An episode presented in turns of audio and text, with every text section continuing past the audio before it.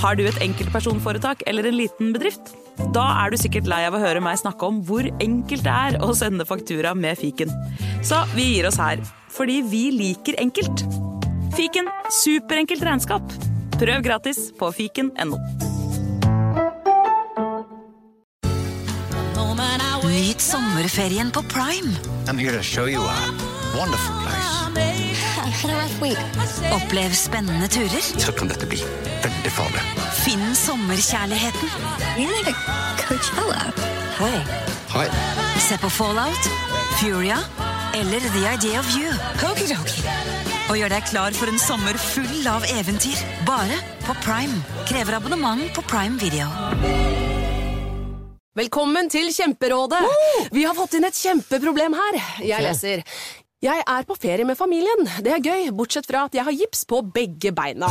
Kan ikke bade eller dra noe sted. Jeg føler meg veldig begrenset. Hilsen begrenset far. Begrenset far trenger ubegrensethet. Yes. Ja, Kanskje ubegrenset data fra 399 med familierabatt hos Telenor? Ja, det løser jo alt! Bortsett fra det med badingen, da.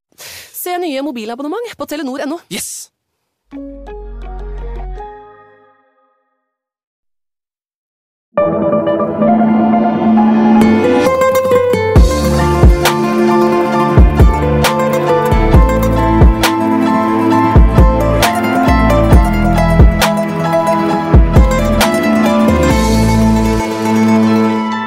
Velkommen til Gangsterpodden, podkasten der vi prater om de flotteste, de slemmeste, de best kledde, de mest sjarmerende og de verste gangsterne, ikke bare nå i dag, men også tidligere i tiden. Ja, Dette har folk fått med seg nå, Jim. Dette, ja, ja, dette kan de nå. Dette kan de. Dere veit det blir et helvete her inne med, med, med ordentlig svin. Og i dag så skal vi jo faktisk eh, snakke om svinet. Ble kalt svinet? Ja, Vi skal prate om svinet. Så her har vi en av de største svina av dem alle. Ja, han har Eh, grufullt svin. Har du det greit, Jim? Bare kjapp Ja, jeg har, det, jeg har det veldig fint, egentlig. Ehm, og med deg selv? Du er, det virker som du har kvitt alle mulige koronasymptomer. Å ja. Reis meg som en føniks. Jeg er helt uh, back in business. Som en føniks, da. Ja, jeg er virkelig sigen nå. Nei, men det, det, er, det gjør noe med deg når du er nede for telling. ass. Da Ja. Nei, jeg, jeg syns det er deilig å ha I deg can see clear, clearly now the rain has gone. It's gone. Oi. Oh yes, det very, sang very descriptive. Very nice. Eh, Du kan jo si noe om koppen din. Du har jo valgt en kopp her i dag, ser jeg. Hva står det på den? Ja, det Sponsa kopp. Hva står det? Jeg har bare sånne Stalltips, står det. Ikke en kopp man forventer å se Henrik Fladseth drikke kaffe av. Vi skal snakke opp om en mann som dukket opp i media for uh, sånn cirka, rundt en måneds tid siden, faktisk. Eh, og han ble, som sagt nevnt, uh, som jeg nevnte, kalt for Svinet. Svinet. ja. Eh, av at han så veldig ustelt og lurvet ut, rett og slett. Eh, I motsetning til mange mafiafolk vi har snakket om her i podden, så er ikke eh, Svinet, altså dagens mann, eh, opptatt av fine dresser og ryddig sveis. Snarere tvert imot, eh, faktisk. Ja, han, eh, han er jo Det er en grunn til at du, du blir kalt Svinet. Men han, som med mange andre gangstere, det er få som bare er ett kallenavn. Så vi velger jo gjerne ut ett eller to. Men eh, de ordentlige gangsterne har både fire, fem, ti, 15, og blant de navnene så er jo alle de navnene folk ikke tør å ytre opp i ansiktet til gangsteren selv. Ehm, og et noe mer dramatisk kallenavn på svinet er nemlig Folkets slakter. Og da begynner man kanskje å skjønne hva slags type dette er. Ehm, og man kan jo oversette her til eh, eh, det som er hans eh, språk nærmere hjemme, altså på Cecilia, så blir det un sana cristiani. Usana Cristiani. Og det er da et navn som forteller litt mer om hva slags type han er, selvfølgelig. For hans virkelige navn er Giovanni Bruscia. Og han skal angivelig ha over 150 liv på samvittigheten, ifølge han selv. Altså ikke ordet på gata, men ifølge han selv så er det over 150 personer som er borte av han. Men han har likevel sagt at det har blitt så mange at han faktisk da ikke husker navnene på alle 150, og det kan vi jo forstå, selv om vi ikke vet hvordan dette her eh, egentlig eh, er å være og leve det livet her. Jeg hadde Eh, mista tellingen etter tolv stykker. ja. Og han sier jo da, selv om han da mener at det er 150, så har han også innrømmet at han har mista tellinga, eh, og mange mener at det kanskje er langt over 150. Ja, øh, han har rett og slett sagt at han øh, Altså, han, han landa på Det det er latskapsestimat, for han har sagt at han Han vet at det er over 100. øh, men færre enn 200, så da har han landa på 150. Så det er jo ja, Folkens slakter! Eh, og, og grunnen til at han dukket opp uh, i media for ikke så, ikke så lenge siden, er fordi han nettopp slapp ut av fengsel. Det høres jo helt sjukt ut, med 150 liv på samvittigheten. Og det er jo selvfølgelig veldig mange som er opprørte da, over at han har fått friheten. De mener jo, Veldig mange mener at han burde sitte inne for alltid. Ja, og det er jo ikke helt uforståelig. Eh, men i dag skal vi da altså se på hans kriminelle karriere og noen av de mordene han kanskje er mest kjent for. Eh, men la oss starte der det hele begynte, og det var eh, år og måneden han ble født. Han ble født i 1957, nærmere bestemt 20. februar, i landsbyen San Giuseppe Jato, altså på Cecilia, som nevnt. Som da, for de av dere som ikke er sterke i geografi, så er det da altså fremdeles i Italia. Og stammet da fra en lang rekke med mafiakarer fra Cosa Nostra, altså den vaskeekte sicilianske mafiaen. Der, der alt av det vi prater om i New York da stammer fra, eller det aller eh, meste vi har prata om. Og både hans oldefar Du skulle si noe, Flatseth? Nei da, jeg bare jeg noterer Du elsker jo Cosa Nostra. Det er så hy Ja. hyggelig å høre hvor, eh, hvor revet med du blir hver gang du skal nevne det. Ja. Ja, nei, eh, ja, det, det, det, er, det, er, det er noe varmt ved det, samtidig som det er veldig kaldt, hvis du skjønner hva jeg mener. Så man kan jo kalle det lunka. Mest kaldt. Ja. Mest kaldt. Men Nei, det er ikke lunka, det er kaldt. Altså. Det Er er, det kaldt? heller veldig ned mot kaldt, ja. ja da. Helt kaldt? Ok. Nei, Men uansett. Nei, kanskje ikke Ja da, fortsett. Både hans oldefar, bestefar eh, før han, har jo også en sterk historie innenfor mafiaen, og var begge med i Cosa Nostra. Og faren til, eh, til eh, svinet, han var faktisk eh, den lokale bossen, han også, i landsbyen. Ja, Så oppveksten hans var jo da gjennomsyret av dette greiene her. ikke sant? Som liten så uh, brakte han mat og klær til kriminelle på rømmen. Uh, faren hans gjemte også flere våpen som han da begravde på jorder og, og enger rundt omkring i landsbyen. Og da ble det uh, lille Giovanni Bruccias oppgave å grave opp dem og rengjøre dem jevnlig så de holdt seg i tipp topp stand, i tilfelle da faren trengte dem. Litt måtte man gjøre for lommepenga, Jim. Ja, Han jobba hardt eh, som lite svin, eller ungt svin også. Eh, men Ungsvin. Ungsvin.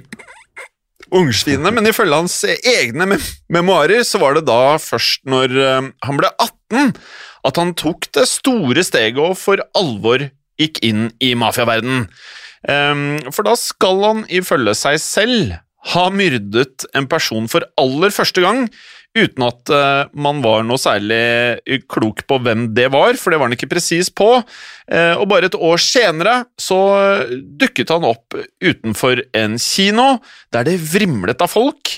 Men eh, det hindret ikke svinet fra å rett og slett bare eh, dra frem en hagle, eh, som eh, de fleste mafiaene, dobbelt løp selvfølgelig, og, og plaffa ned eh, det utvalgte offeret midt i folkemengden.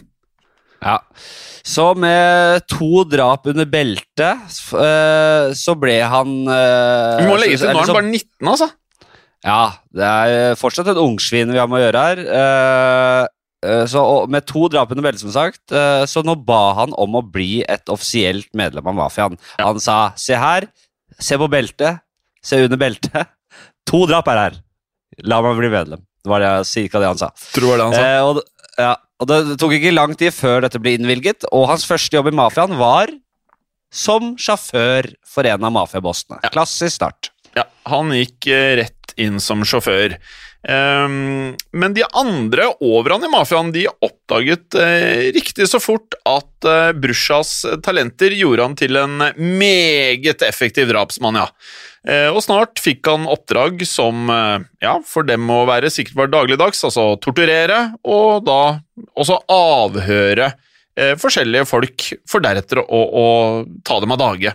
Og Brusha han kastet seg, etter hva vi har forstått, eh, godt ut i oppgaven, og brukte ofte en halvtime på å torturere ofrene før han gikk videre.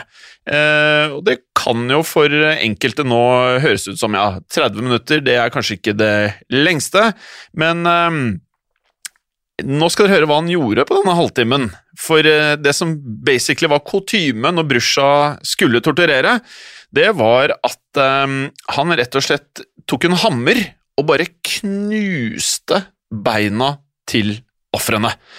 Og for deretter så var det vanlig for han å bruke en eh, tang til å dra i ofrenes eh, ører. Og på den måten så skjønner man jo veldig fort at dette her er alvor. Og når du men tang river og sliter i øra på folk. Man skulle jo tro det, det fort kunne ryke. Ja, eh, og som vi vet fra tidligere, og, og som er et eh, viktig poeng senere i denne episoden, så drepte de som oftest de de torturerte. Det var, eh, eller kidnappet. Det var sjeldent eh, de ble sluppet løs igjen. Så når han var ferdig med denne torturen, så kvalte ofte da Giovanni og mennene hans offeret til døde. Det var eh, favorittmetoden til Brucha eh, når det kom til drap. Han fikk to menn til å holde offerets bein nede, to til å holde armene, som ofte var knust, eh, vel å merke, og den femte brukte deretter da en nylontråd til å kvele offeret noe så jævlig. Der. Ja. Men er du enig? Det høres ut som mange mann for å gjøre den jobben der. Ja, men de likte Det var en greie, vet du. Det, var, det var en, eh, en sånn, en sånn eh, teambuilding uh, uh, Det var ofte flere enn fem også, og de andre helte i kaffe og serverte kjeks, og det var, gjorde en litt sånn happening ut av. jo da. Ler Dette, dette, dette er noe jeg leser opp på for fritid. Ja. Dette er tilleggsinformasjon som jeg har uh, kommet fram til. Det var virkelig Ja. Ja. Bra. Brusha han eh, kjente som oftest eh, ikke ofrene, for um, dette her var eh, grusomheten som han da rett og slett uh, utførte på ordre. Så det var sjelden det var noe personlig her. Uh, han skal angivelig ha likt å kvele ofrene sine til døde, for han anså det som en eh, svært så diskré drapsmetode som det var vanskelig å spore, ifølge han selv. Og tidlig i karrieren så kvittet han seg med likene rett og slett ved å brenne dem på store, spesialkonstruerte griller. Altså han hadde en egen grill for å, å brenne de han drepte. Og det han gjorde, Fladseth, det var rett og slett eh, eh, det man kaller eh, jevn varme utover hele dagen på denne grillen. Ikke prøv å bare lære meg om jevn varme og grilling. Jim. Nei, jeg vet du kan dette er bedre enn meg. Eh, Ja, ja, ja. Ja. Eh, jeg skal nemlig til helgen gjøre noe du ikke eh, kan stå inne for. Jeg skal kjøpe meg elgrill. Jeg har det El eller gass? Jeg har El, ja. gass. El. El, Er ikke det Ja. gass, liksom? Det er bare Nei. El, det er sånn eh, Du må kjøre på noe voldsomt for å få eh, gjennomstekte koteletter. Men uansett, Nei, fy faen. Ja, men det er praktisk. Uansett så var det sånn da at han eh, gassa på med ved i grillen tidlig, tidlig om morgenen for å få den varmen han skulle ha, for deretter å fortsette med jevn varme utover dagen, slik at likene han da slengte på grillen, var borte allerede ved solnedgang. Ja, og Vi hører at dette er en eh, tidkrevende prosess, så han bytta jo denne metoden eh, Han bytta til en annen metode etter hvert. Da begynte han med ja, noe vi har sett eh, flere ganger i, i jeg, jeg husker veldig godt fra Breaking Bad. Da det er jo syre som gjelder. ikke sant? Han uh, brukte en, eh, en type syre som man ofte rengjorde murstein med. Ja. Og det var lett å få kjøpt litervis med dette stoffet fra byggeplasser, og Brucha oppdaget at dette var et eh, lett tilgjengelig middel som var perfekt for å etse ned lik til så godt som ingenting. Ja, og det han gjorde var at han først varmet opp eh, syren for å da få um, nedbrytningsprosessen til å gå enda fortere. Så han gikk da fra liksom fast varme utover hele dagen til å nå skulle gå hurtig. Eh, og så fort eh, liket ble lagt i denne syren, så ville det begynne da rett og slett å frese eh, hele greia. Så, mm, og med det da så brøt liket ned fullstendig, og det var komplett borte i løpet av en sånn tre til fire timers tid da. Eh, så Brucha, han eh, han var jo eh, ikke en veldig forfengelig type, men litt forfengelig, eller litt forsiktig var han eh, likevel. Eh, han, forsikret seg alltid om at offeret var skikkelig dødt før han hev dem i syren. Eh, ikke fordi han mente det var grusomt for et levende menneske eh, å, ligge, å bli kasta oppi der, nei, for eh, dersom han puttet et menneske som fortsatt var i live ned i syren, så ville kroppen begynne å, å, spasme, rett og slett, og sprelle. Så, og det ville få da syren til å plaske rundt, og da kunne det treffe Bucha selv. Eh, så det er kanskje ikke en forfengelighet å gjøre dette, her, men han ville jo ikke få syren på seg. Det skjønner jeg jo. Så, så derfor måtte han forsikre seg om at offeret var stein, stein dau Ja. uh, før det ble senket ned i syren. Ja, Men i likhet med andre metoder for å kvitte seg med lik, så var det sånn at uh, syren det etset vekk eh, mye av liket, men det lå noen ganger igjen da visse beinrester og tenner etter offeret, som syren da ikke alltid klarte å, å, å få bukt med. Så Brusha han beordret da at disse restene da skulle kastes i noe sånn som en elv. Ja. Eh, iblant så pleide litt høyerestående mafiosoer fra Sicilias hovedstad, Palermo, å uh, kødde med Brucia, gjøre narr av og han og mennene hans, og, og vitse om at f.eks. skoene deres var dekket av møkk fordi de var fra en landsby. Ja, og da, nå har vi oversatt fra tungt siciliansk til uh, norsk, og dette her er hva da brorsa pleide å svare til han ble erta, da. Og hva med dere? Dere har jo det flotte vannet dere drikker i Palermo. Og det har seg nemlig slik at elven som han da kastet restene etter ofrene sine i, den gikk rett i et av Palermos viktigste vannreservoarer. Så det han egentlig sa, var at de som da gjorde narr av ham, drakk vann med restene av menneskene han da hadde myrdet. Ja. Eh, han, eh, Svinet var jo også en type som likte å holde mafialivet og privatlivet adskilt. atskilt. når han skulle ha nye klær, så unngikk han bevisst mafiaens faste butikker og merker, og han unngikk også å spise på restauranter som folk forbandt da med mafiaen. Mm. Han gikk så langt for å kunne holde da disse to livene sine adskilt, at da han fikk en sønn, så holdt han det helt hemmelig. Altså, han fortalte ingen at han hadde en sønn til noen som helst, eh, og ikke engang sine egne foreldre. Altså, foreldrene hans visste ikke at han fikk et barn. Eh, Og grunnen til dette her, det var rett og slett for han var eh, utrolig redd for at eh, rivaliserende eh, mafiamedlemmer kunne da kidnappe eller drepe sønnen hans. Dette her er jo kjempesmart, Fladseth. Ja, kjempe, veldig smart. Jeg har tenkt på det før. Det er vel, at, det, det, Har du vurdert ja. noe sånn sjøl, altså når du får barn og ikke sier til noen? Nei, jeg tror ikke jeg har så mye å være redd for der. Nei, Altså. jeg tenker rivaliserende komikere, kanskje de begynner å kjøre noen jokes. De skjønner barna? at de genene der skal vi passe oss for. Han kommer opp på oppløpssida. Nei, eh, Brucha han eh, kjente jo alt dette fra innsida. Han visste jo om mafiaens eh, grusomheter. Han har senere sagt, eh, og her har vi enda et oversatt sitat eh, Jeg har oppløst menneskekropper i syre. Jeg har grillet lik på store griller. Jeg har begravd restene. Noen tidligere mafiosos uh, sier i dag at de føler avsky for det de gjorde. Jeg kan si dette om meg selv. Jeg har aldri blitt opprørt over disse tingene. Ja, altså han er eh, et beinhardt svin. Eh, og alle drapene var eh, ordre, og ingenting mer for Brusha. Altså han la ikke Dette var jobben hans. Og han gjorde som han fikk beskjed om, og var ekstremt flink i det han gjorde. Og som han da skjønner, han følte ikke noe i ettertid. Altså en riktig kald fyr, dette her. Og eh, hvis vi spoler frem til eh, 80-tallet, så eh, hadde han blitt en del av en eh, mordgruppe. Og vi har jo da pratet eh, tidligere om forskjellige organiserte rett og slett da drapsspesialister, som f.eks. Murder Incorporated.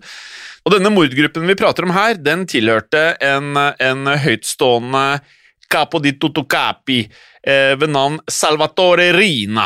Eh, altså selveste boss of all bosses av den italienske mafiaen, og da føler jeg du er eh, Da er du en boss, altså. Eh, og Bruchas eh, profesjonelle mordferdigheter hadde da med andre ord skaffet han en eh, gjev posisjon i den italienske mafiaen, og ble også etter hvert Rinas høyre hånd. Så det er Ja, det vi har sagt. Blir du sjåfør, så er det straka veien til toppen. Han var, en, eh, han var ordentlig høyt oppe her, rett og slett. Samtidig som han steg i gradene, så fikk også mafiaen mer og mer makt.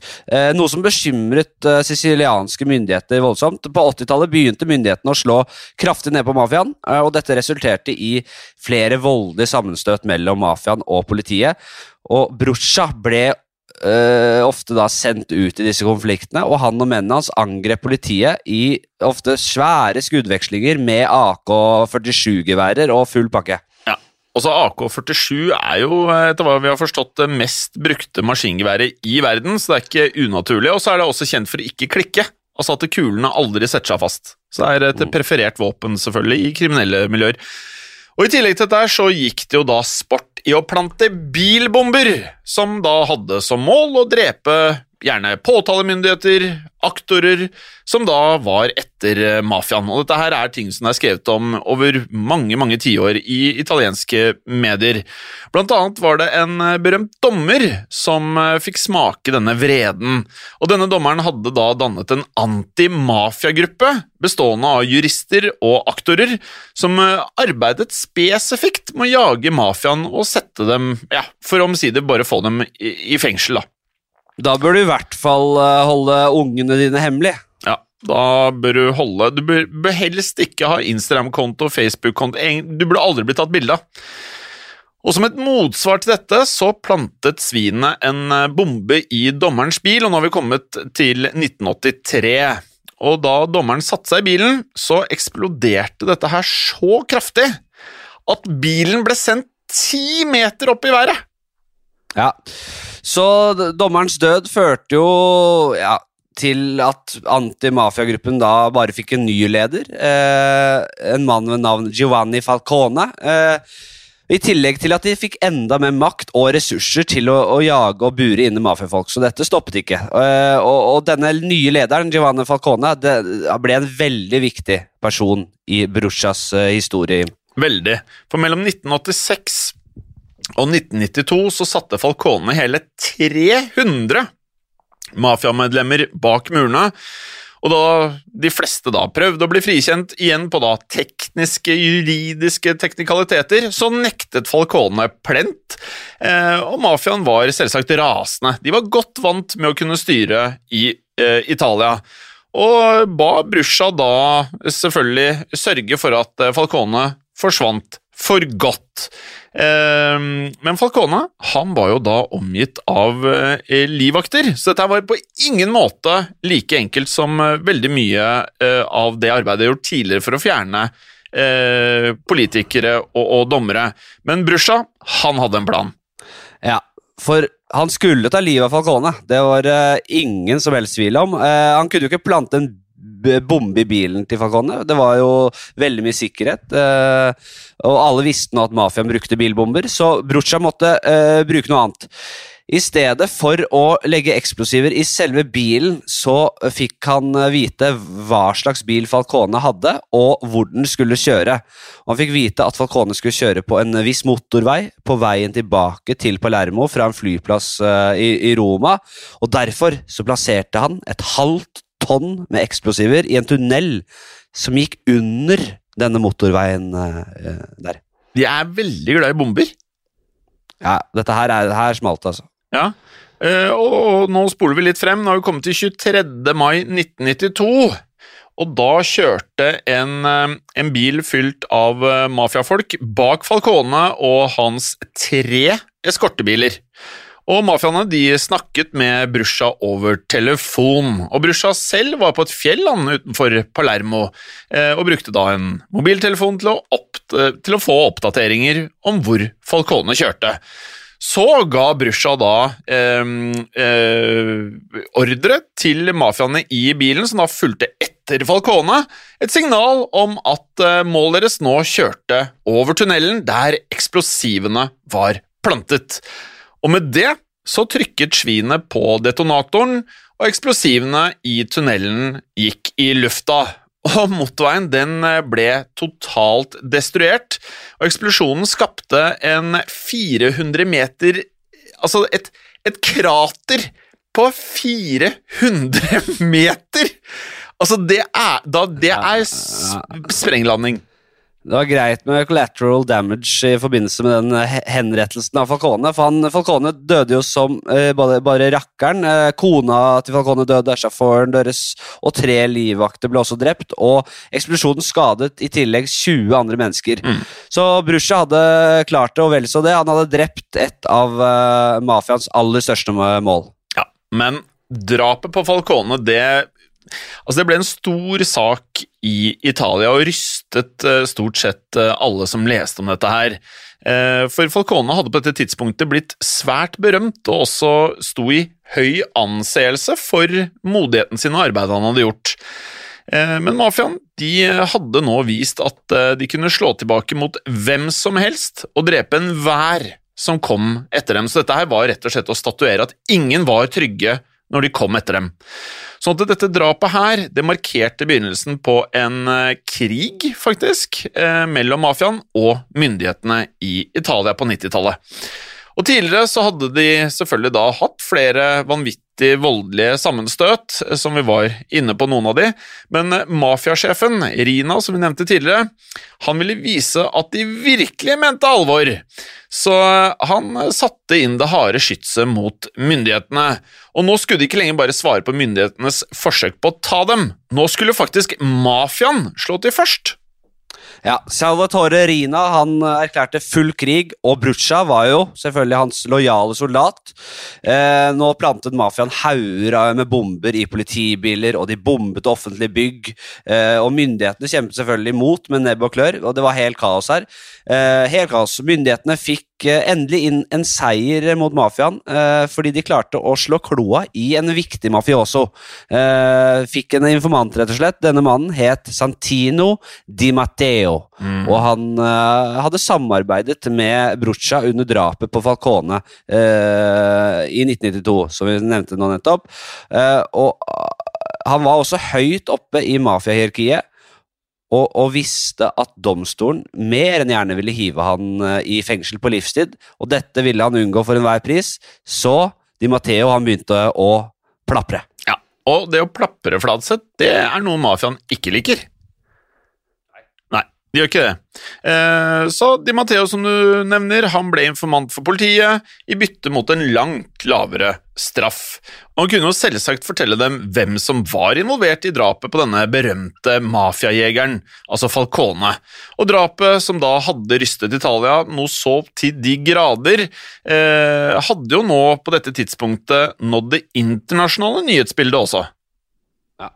Både myndighetene og, og folket var, var, var sultne på å få kloa i den skyldige, og eh, i tillegg slå hardt ned på mafiaens eh, ledere. Og Di Matteo serverte dem akkurat det de ville ha, på et sølvfat.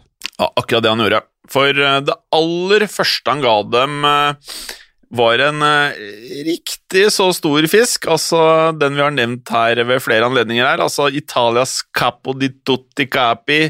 Selveste Salvatore Rina.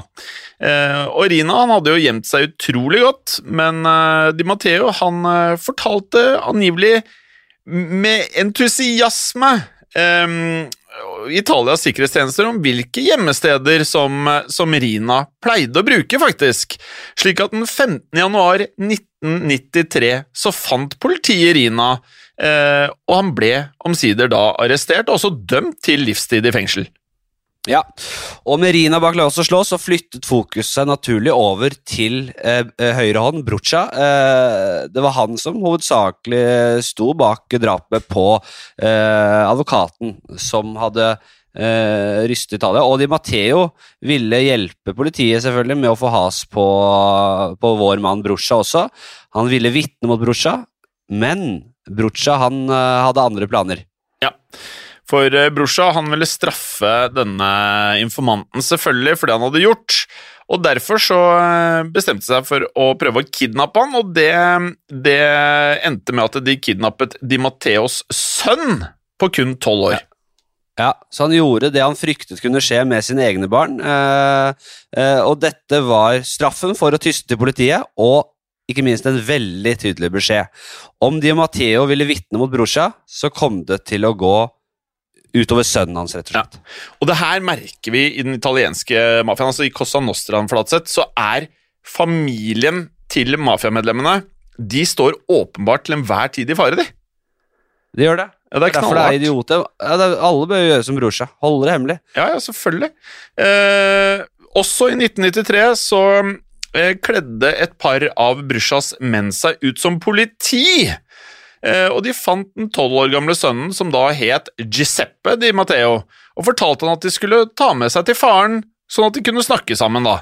Og På den tiden så var Di Matteo under eh, eh, den strengeste politibeskyttelse, siden han da var denne informanten. Og gutten ble med det han trodde var to politimenn, og ble umiddelbart kastet inn i en bil, og det var nå eh, en, en ja, kidnapping av sønnen. Og Brucha han brydde seg ikke om at dette var en tolv år gammel gutt. Han ville gjøre hva som helst for å få informanten til å tie og trekke vitneforklaringene om han tilbake. Mm. Uh, og Han ville vise til Matheo at han mente fullt alvor. Uh, han låste gutten inne i et bur. Eh, guttungen fikk svært lite mat, og Bruchas menn slo og banka han flere ganger, eh, stakkars. Altså, han er tolv år! Ja, Hæ? de torturerte han Ja, det er jo grusomt. De torturerte han til og med, og, og når de var ferdige, så tok de bilder av den forslåtte gutten og sendte til Di Matteo til faren hans. Altså, dette her du, Vi har hørt om mye jævlig greier i gangsterpodden, men når, de, når det er en, et lite barn, så blir det plutselig voldsomt, Ja. altså. Det er litt så vi prøver vi, ha, vi vil jo ha en hovedperson, en du kan liksom følge, og så midt inni episodene så kommer det ofte fram noe sånn som det her, Ja. som gjør at det, faen, for en jævel, da. ja. Et riktig Vår svin. mann og sånn, har jeg sagt. Vår mann, brusja. Han, han er jo selvfølgelig et jævlig fyr. Ja, ja, ja. Og man skjønner jo da hva, hva Di Matteo eh, tenkte når han fikk se bildene av denne utsultede og forslåtte, altså torturerte sønnen sin. For budskapet det føltes både klart og tydelig. Di Matteo forsto at han de ville at han skulle trekke seg. Eh, og hvis han ikke gjorde det, så var det også et underliggende signal om at eh, sønnen hans ville få smake mer og, og kanskje bli drept også. Ja, og Di Matteo han forsøkte desperat å forhandle med brorsa. Han ville finne en løsning der mafiaen lot sønnen hans gå fri, men at han fortsatt eh, kunne gi politiet akkurat nok til at de ville gi han en eh, mildere straff. Ja. Og man skjønner jo at eh, selvfølgelig ikke var interessert i dette. Han eh, ønsket å straffe Di Matteo hardt. Eh, og han sendte da ikke bare ett bilde til Matteo. Han eh, fortsatte å sende bilder der sønnen hans stadig så mer eh, mer torturert ut. altså Han var i dårligere og dårligere forfatning, han fikk lite mat. Ehm, Så Brusha han holdt eh, sønnen eh, fanget i, i eh, 779 dager, altså over to år, for det sett. Ja. Og i, år! og i to år hadde også etterforskningen gått framover. Rettssaken mot brorsa hadde blitt eh, forberedt, og Di Matteos vitneforklaring hadde stått nedskrevet i juridisk bindende papirer. Eh, Og Di Matteo sto på sitt. Han trakk ikke vitneforklaringen tilbake, og til slutt så fikk brorsa nok. Ja, Men Flatseth, hva tenker du her om Di Matteo? Tror du at ønsket hans om å liksom ta mafiaen var så stort at han lot dette gå utover sønnen, eller tror du det var friheten hans han, han ønsket så mye at han på en måte kast... Eller ikke reddet sønnen, på en måte? Ja, dette vet jeg faktisk. Eh, For han har, han har uttalt dette ved eh, senere anledning, at eh, han var jo tidligere mafiamann selv, så han visste at eh, sønnen Og dette var det jeg var litt inne på i stad. Han visste at sønnen ikke kom til å bli sluppet eh, hvis han gjorde som de sa. Uansett. Uansett. Så han, ja, uansett, så han skjønte med en gang han ble kidnappet, at eh, Mm. han kommer aldri til å se igjen. Og det var derfor han gjorde, gjorde som han gjorde, rett og slett. Mm. Og som nevnt så ble jo da sønnen eh, holdt fanget i, i eh, over to år, eh, nærmere bestemt i januar 1996. Um, og Brusja han innså nå at Di Matteo ikke kom til å trekke vitneforklaringen, og derfor så ga han mennene sine en endelig ordre. Og den lød noe sånn som dette, på norsk da. Kvitt dere med valpen. Og de drepte valpen. Eh, forferdelig måte. De kvalte han, eh, og da skulle han ha vært så svak og utmattet at han ikke engang klarte å gjøre motstand. eh, og da gutten var død, så gjorde ja, de, det, de gjorde det Brucci alltid pleide å gjøre med de han drepte.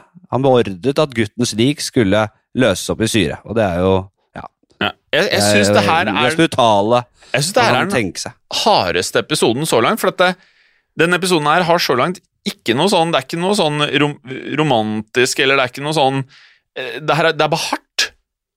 Ja, det er beinhardt. Eh, kallene, altså, kallenavnet hans er passende, altså. Eh, og som vi var innom, man kan jo liksom lure på det. Det kan jo være flere teorier til hvorfor han ikke trakk tilbake vitneforklaringen utover det, det han på en måte har uttalt seg, som er på en måte i gåstein korrekte tingen å si. Kanskje er det helt sant også, selvfølgelig. Eh, og han kommenterte jo det du sa, at han, han visste at han aldri kom til å se sønnen igjen uansett. Eh, så, sånn er det. Så, og sånn var det i mafiaen, ikke sant? Eh, så det jeg tror, på, jeg tror på det. Jeg tror han det, det, Men te- tenk, det, er jo, det er jo en voldsom mm, Det kunne blitt laget en film om det, en skikkelig thriller, liksom. Der du står, og det, det høres ut som en film som allerede er laget, Mm. at du står overfor det umulige valget der. Ja. Uh, ja. My, my, mye av dette minner meg om en uh, mafiaserie som ligger på HBO, som heter Zero Zero Zero. Hørt om den? ja, det har Ja. Sett den? Jeg har ikke sett den. Jeg har ikke Nei. sett den. Uh, Ganske jeg- hard. Ganske hard.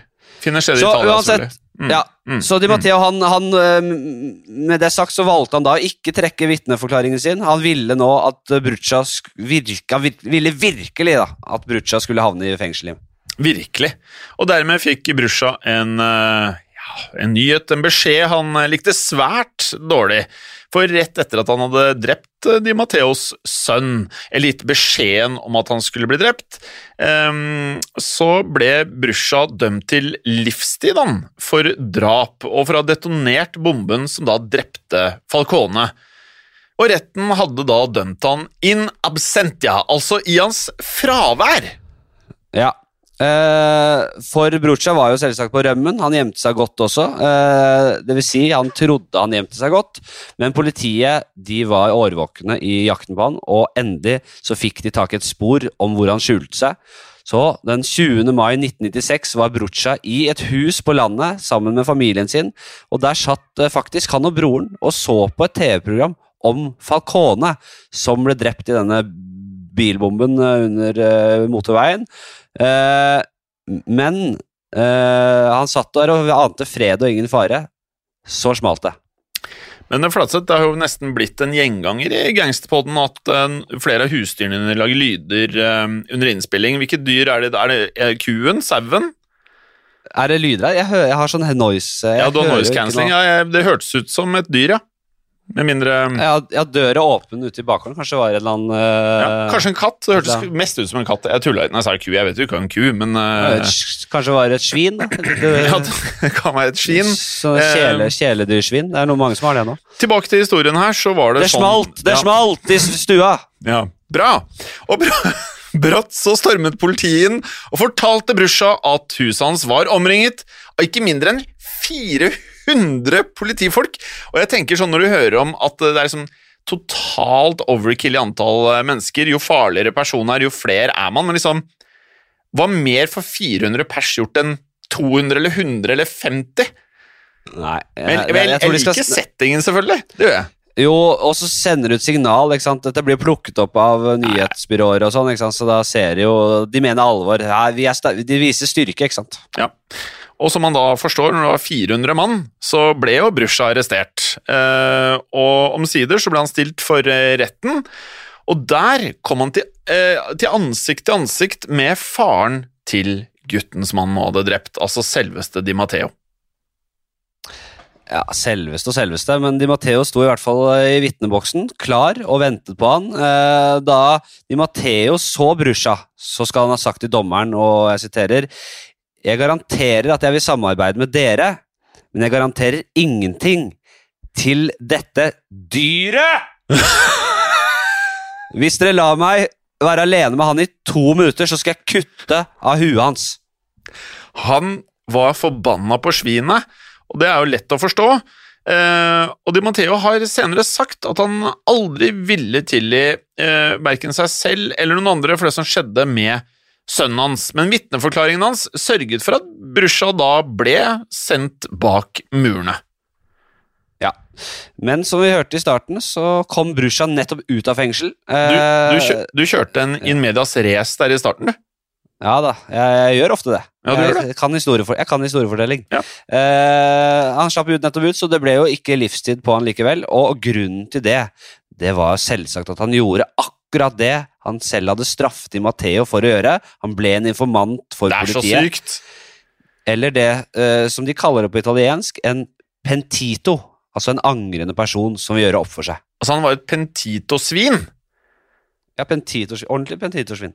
Ja, det er tydelig nå at uh, Det er jo tydelig for at Brusha, han er jævlig opptatt av seg sjæl, han. Veldig. Ja, veldig. Eh, så han drepte jo da sønnen til Di Matteo for at eh, han ikke klarte å holde munn. Eh, og nå sto han overfor livstid selv og gjorde akkurat det samme. Det er jo helt vanvittig, egentlig. Ja, det er eh, hyklersk, rett og slett. Uh, Bruchas eh, opplysninger det førte til at hans gamle sjef Salvatore Rina eh, ble siktet og erklært skyldig i flere nye saker, og eh, det ga han flere straffer på toppen av det han allerede hadde. I bytte mot eh, opplysningene eh, Brucha ga, så fikk han redusert straff eh, ganske betydelig. I stedet for å sitte for livstid, så trengte han bare å sitte i fengsel i 25 år. 25 år for 150 drap, eh, cirka. Altså, det her går jo ikke an. Du kan ikke holde på sånn. Det er Eh, sjukt. Men uansett, ettersom da Svinet ble arrestert i 1996, så vil jo enkel matematikk tilsi at eh, 2021, altså året vi spiller inn Gangsterpodden nå, er året hvor Brusha også ble en fri mann igjen. Eh, Og dette har skapt voldsomt eh, oppstyr, og det var sånn vi ramla over saken, at det har stått mye om det i mediene. Eh, Og åpenbart så er det mange som da ikke liker tanken på at han gærningen her går rundt i, i, i gatene som fri mann. Ja, det er mange som mener at i løpet av tiden i fengsel så har han ikke vist noen oppriktig anger på det han har gjort. eh, Og han har jo også da sitert at han ikke angrer noe særlig på noe av det. Eh, eh, Så det er jo Det er redsel og frykt i Italia for hva han kan finne på å gjøre nå som han er en fri mann. Mm. Og en av de som er svært skeptisk til Brusha, er politimannen som da arresterte han tilbake i 1996, som skal ha sagt Jeg vil aldri glemme ansiktsuttrykket hans da vi arresterte ham. Jeg vil aldri tilgi ham, for jeg har ingen tro på at Brusha noensinne har fortalt oss alt det han vet. Ja. Og det er jo Denne åpenbart, selvfølgelig, da. Ja, og det, ja, Denne politimannens bror, som også var i politiet, ble drept av mafiaen under krig, eh, krigen mellom myndighetene og mafiaen eh, på 80- og 90-tallet. Eh, så politimannen her han har sett hva mafiaen kan gjøre, altså. Definitivt. Eh, Falcone, altså denne berømte, høyt ansette antimafiadommeren som Brusha da drepte, han hadde en søster som også har uttalt seg om løslatelsen, og hun har sagt noe følgende. Dette er smertefulle nyheter for meg som person, men loven om at mafiosi som samarbeider skal få mildere straff, det er en lov som broren min ville at vi skulle ha, og derfor må den også respekteres. Jeg håper bare at myndighetene og politiet er årvåkne for å forminske risikoen for at Brusja vil gjøre noe kriminelt igjen. Ja, Så det er jo all grunn til å tro at politiet vil holde et godt øye med han fyren her. Det, hvis ikke så er det jo helt skandale. Eh, flere av slektningene til eh, mafiaens ofre sier at de selvfølgelig aldri vil tilgi han. Men eh, vi skal heller ikke glemme at Brusha var en informant. Han sladret på andre mafiamedlemmer. Så spørsmålet er jo hvorvidt mafiaen selv har tilgitt han. Mm. Men eh, dette er såpass eh, nytt alt sammen at vi vet ikke så veldig mye om hva mafiaen synes om uh, Brusha og hans løslatelse. Eh, angivelig så er den sicilianske mafiaen eh, svakere i dag enn den var i Brushas eh, storhetstid. Men eh, vi skulle jo tro at det er nok folk der ute som eh, da rett og slett ikke har glemt det Brusha gjorde mot dem og deres kolleger, vi skal kalle det. Så hva som skjer i fremtiden med Brusja, det kan det godt være det blir en ny episode om eh, fremover i tid, når, når det faktisk utspiller seg. Det er rett og slett øh, skal, skal vi si at vi håper på at han finner på noe? Nei, kan ikke nei. Men uh, nei, så, så kyniske er vi ikke her i Nei. Grensepoden at vi håper på det. Altså. Vi har mer enn nok materiale å ta av. Ja. Vi Det har mye materiale. Veldig ja, ja, ja, ja, ja, ja. Det var egentlig det vi hadde. Det var Folkets slakter, Svinet. Eh, Brucha.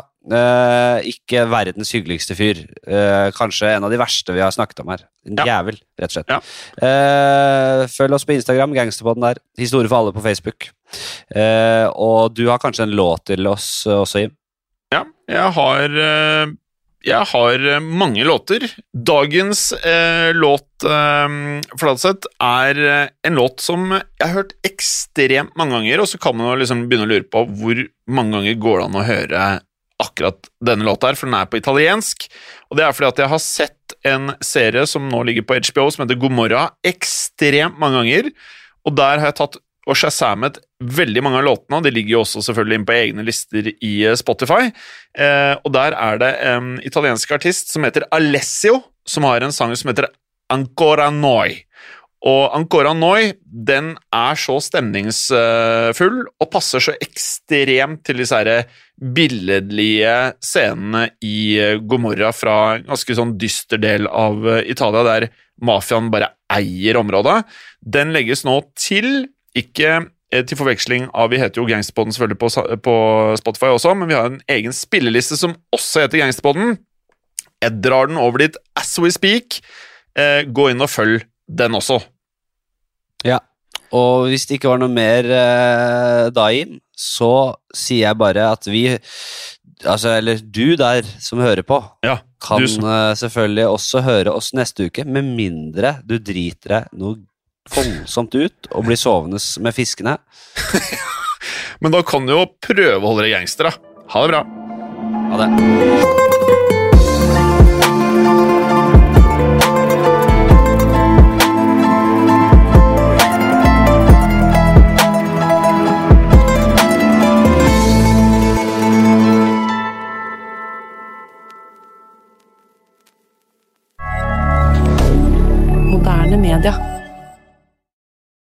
Si signore, Morten. Uh, ciao, Jim. Prego. Og ciao eller prego til alle våre kjære lyttere. Og i dag så har vi en stor eh, eh, til eh, Ja, dere alle sammen. Et tilbud som lytterne kanskje ikke kan si nei til. For vi har bestemt oss for å gi dere en liten smakebit på hva man får med abonnement i Untold. Eh, si, men hva er Untold, Morten? Uh, Untold er en app, app der du kan høre en rekke podkaster. Mange titalls podkaster helt uten reklame. Ja, og ut eh, mai så kan eh, alle lytterne våre da høre episoder som du vanligvis kun ville kunnet høre i Untold. Ja, for eh, som Untold-kunde så får du nemlig en ny reklamefri episode av Gangsterpodden hver eneste uke hele året. Ja, og i eh, Untold så får du også ukentlige episoder av Synderne, eh, som da er Synderne, og True Crime-podden, samt masse miniserier som du og jeg er med i, blant annet samlingen av Japan og også Ukrainas turbulente historie. Ja, og så får man jo også tilgang til Historiepodden, og der vil man kunne høre episoden om torgslaget i Kristiania i forbindelse med 17. mai, og den bør alle få med seg. Ja, og det tenker du er spesielt relevant, for vi er i mai måned, da, eller? Det er nettopp det, vet du. Si. Og er det sånn at du som nå hører på, sitter igjen og tenker at du ønsker å høre en ny episode av Gangsterpodden hver eneste uke? Da er jo dette her veldig enkelt, for da er Untold løsningen for deg. Nettopp, så da går du inn på AppStore eller Google Playstore og laster ned Untold, eller du bruker nettleseren og går til untold.app for å starte ditt abonnement i dag. Si. Og da kan du da få 30 dager helt gratis hvis du ikke har gjort dette tidligere også, og det er jo en eh, overraskelse du ikke kan si nei til. Ja, det er en grunn til å ikke sove med fiskene. Ja, det er det, men også holde det gangster. Ha det bra!